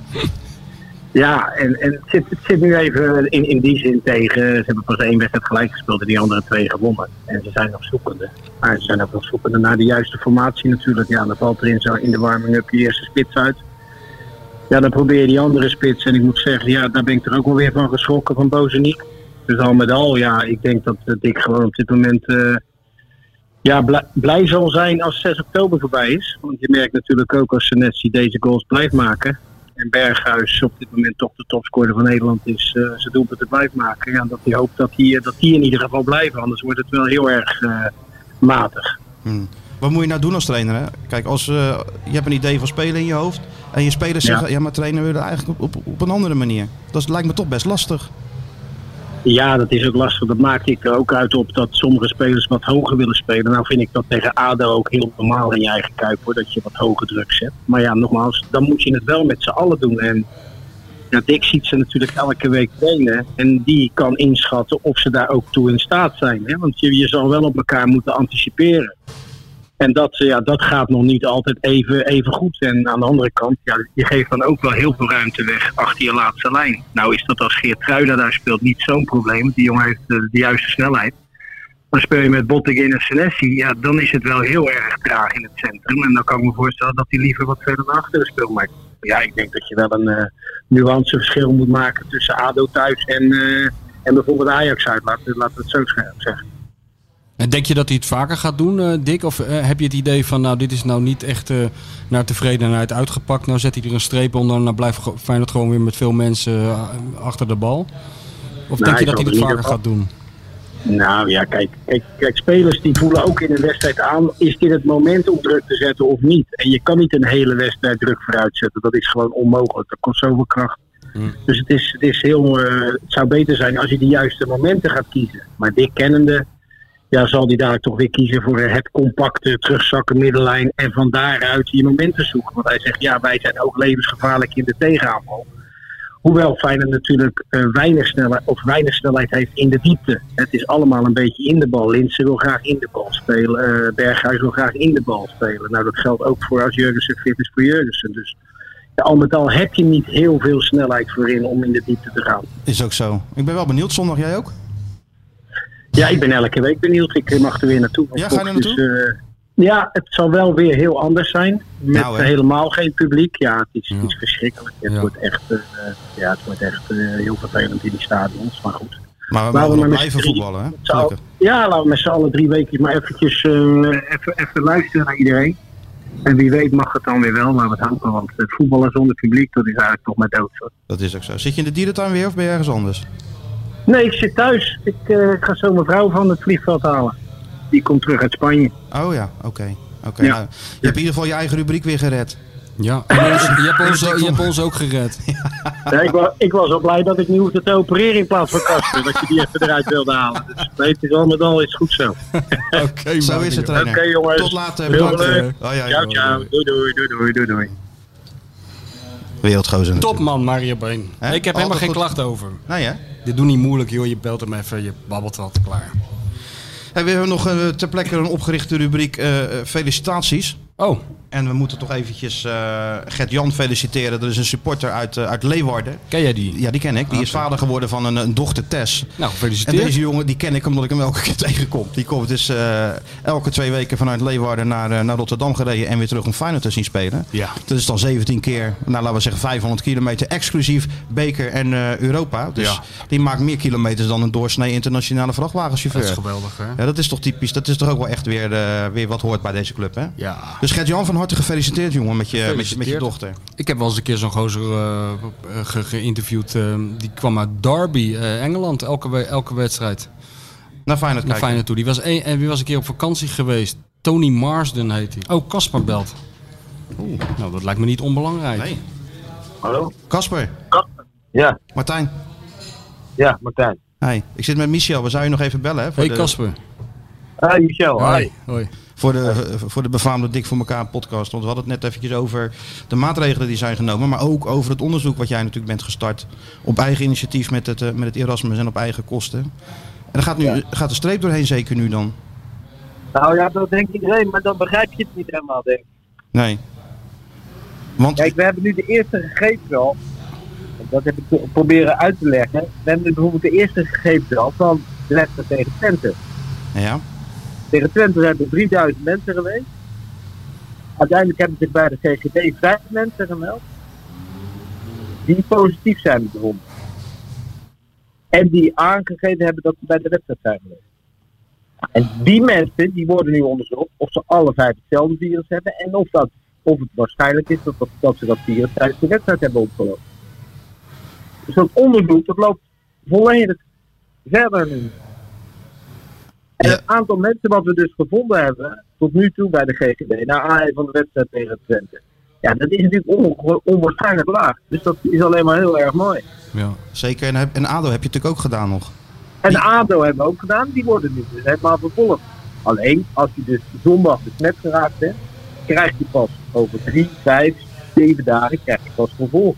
Dus daarom is de komende week voor ons zo belangrijk.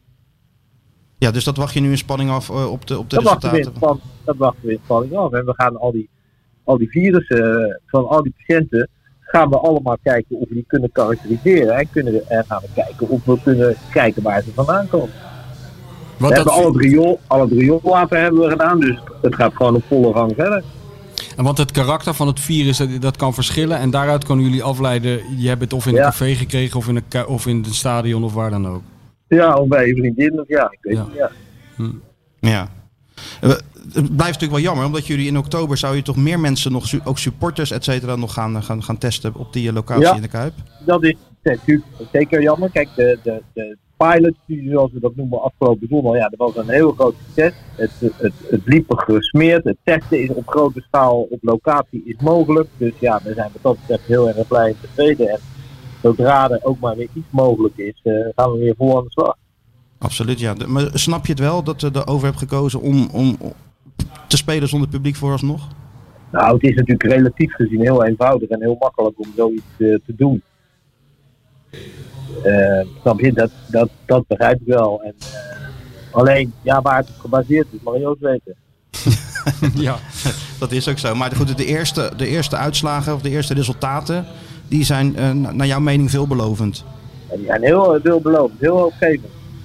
Oké. En nogmaals, en niet dat, niet dat ik wil zeggen dat het nou volledig op ons konto is te schrijven, maar als je ziet hoe het publiek zich afgelopen zondag heeft gedragen, ja, dan denk ik dat we dus wel heel erg op de goede weg zijn om mensen heel bewust te zijn van het feit wat, wat er allemaal aan de hand is.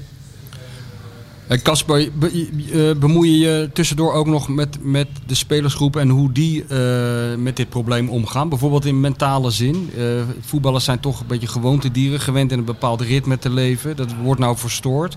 Eh, is daar ook aandacht voor? Of eh, zeg je van Nou, het is goed dat je dat aankaart. En ik heb dat ook een keer, eh, volgens mij, ik weet niet meer wanneer ik dat verteld heb, maar we hebben ook twee gevallen gehad die positief zijn getest, zeg maar helemaal in het begin. Nou, dat heeft de jongens er wel zo ongelooflijk doen opschrikken en doen. ja. Ja, dat ze daar op een eh, hele, hele professionele manier mee omgaan. En zodra er ook maar enig familielid of iets ergens last van heeft, ja, dan, eh, dan komen ze niet. Kijk, vandaag, dat mag je best weten, is- er ook een speler, ja, die komt gewoon niet, omdat zijn, eh, zijn eh, familielid, ja, dat die klachten heeft. Dus hup, die wordt vandaag getest, die speler blijft thuis, wacht tot de uitslag bekend is en dan kan hij morgen weer trainen.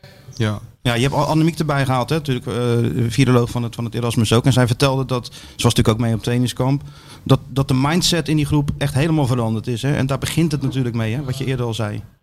Ja, maar dat is verreweg het allerbelangrijkste. Kijk, en daarom heb ik in het begin ook wel lopen te ageren tegen het feit dat je iedere week maar moet testen. Want daarmee voorkom je geen besmettingen. Waar je mee, besmet, besmettingen mee voorkomt, dus door, met het gedrag van de spelers. En nogmaals, ik durf mijn hand voor in het vuur te steken dat de Feyenoord-selectie dat op een hele goede manier heeft opgepakt. Oké, Casper. En ehm, kijk, jullie doen dat eh, in eigen beheer, om het maar zo te zeggen. Dat het onderzoek waar je mee begonnen bent in de, tijdens de Twente en, en ADO Den Haag. Maar mensen kunnen dat wel steunen, hè? Met de QR-code. Kunnen ze daarvoor, ja. daarvoor terecht op de Ja. site van het Erasmus? Ja, op de site van de Erasmus Foundation, ja. Oké, hartstikke, hartstikke mooi. Ja. Zullen we iedereen eh, adviseren om dat toch eventjes te Ja, doen? dat zou ik zeker doen, want het is eh, broodnodig. En nogmaals, ja, de eerste resultaten zien er allemaal heel erg hoopvol uit. Kijk, wat, eh, wat ook belangrijk is, is dat we ook, dat vergeet ik nog helemaal, we hebben natuurlijk ook wat onderzoek gedaan van de wedstrijdshirts. Hè? Ja, ja, In ja. de oefenwedstrijd, eh, weet je wel, Feyenoord Sparta. Ja, er is geen shirt waar dan ook is, het- is een virus aangetroffen. Dus ja, jongens, kom maar op, kom maar op met die bewijzen. Laat het maar zien. ja. Oké, helder. Oké Casper, bedankt voor je tijd. En heel veel succes en we, zien, we zien elkaar zondag wel. Eh, zondag bij II. Ja, ik hoop het. Ja, jij mag toch Als wel het komen? doorgaat allemaal. Als Ja, het allemaal doorgaat. Ik hoop Hè? het ook. Ja, dat zal toch wel. Hoi, ciao, ciao. Ik hoop het ook. Ja, dat zal toch wel. Hoi, ciao, ciao. Oké, hoi, hoi. Iemand doet soms twee operaties tegelijk, hè? Ja, Die staat om half zes, staat hij, staat hij, staat hij, begint hij aan een acht uur durende operatie en tussendoor doet hij nog een van zes uur. ja. Dat is niet te geloven. En dan eh, moet hij ondertussen ook nog eh, door de week mensen vertellen dat het, eh, dat het leven eindigt. Het is ongelooflijk. Het is echt ongelooflijk. En dan komt hij in de kuip en de zeuren spelers dat de sokken te klein zijn. Ja, en daar kan hij dus ook mee omgaan. En dan kan hij ook is een tegengif. van- ja, zijn tegengif, ja. Nee, het is, een, eh, het is een bijzondere man. En laten we met z'n allen ook dat onderzoek steunen. Omdat hij Ja. terecht ook aangeeft hoe belangrijk dat is. Ja, En dus allemaal naar, eh, wat is het? Gewoon naar Erasmus? de site van het Erasmus, daar staat de QR-code op. Annemiek van Eyck heeft het me gisteren tijdens de wedstrijd al honderd keer gezegd. Scan die code, maak een klein bedragje over en het onderzoek kan door. En als de eerste resultaten zo veelbelovend zijn, Nou, inderdaad. ja, dat is natuurlijk alleen maar goed. Dat we zo, met zo snel mogelijk, dat we zo snel mogelijk weer met zoveel mogelijk mensen van voetbalwedstrijden kunnen, kunnen, kunnen gaan genieten. Had je verder nog wat? Want het telletje loopt aardig door. En je bent niet de goedkoopste, laten we eerlijk zijn. Nou, er moet ook een keer een eind aan dat. Hoe lang zitten we nou te... Hoe lang zitten we, Stuart? Ja, het is veel te lang, joh. Eigenlijk veel te Mensen lang. worden er doodziek Ja, maar van. misschien vinden mensen dit toch wel interessant. Met, eh, met, met op het einde nog eventjes eh, Ja, de, de, de beste dokter van Nederland. Die de, die nog even zijn laatste, de laatste bevindingen met, eh, met ons deelt. Ja, nou oké, we, we nokken er lekker mee. Jij gaat naar Dizzy de is jarig. Dizzy ligt helemaal uitgeteld. Ik weet niet wat er in dat bot zat, maar eh, dat wil ik ook hebben. Want die is helemaal... Valium, geloof, geloof ik. Heerlijk ligt hij erbij. Dus eh, dat, dat is weer een, een topochtend geweest zo. Ja, en, en eh, eh, jij gaat lekker naar Tilburg. Ik ga voor de tv zitten. Zo is dat.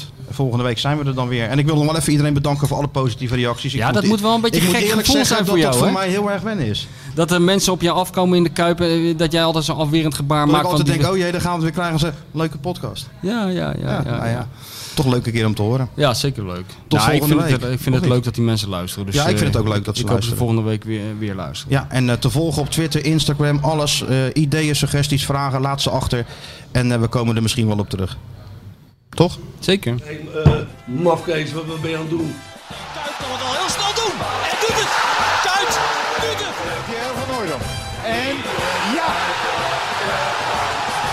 Is Pierre van Hooydonkavond. Het is de Pierre van Hooydonk. Met elkaar communiceren, met elkaar praten, dat is toch een heel groot probleem hoor. Natuurlijk staat dit schitterende stadion bekend om zijn sfeer. Maar zoals vandaag heb ik het toch echt eh, zelden meegemaakt. Ik denk dat ik dat gezegd heb, maar dat heb ik niet gezegd.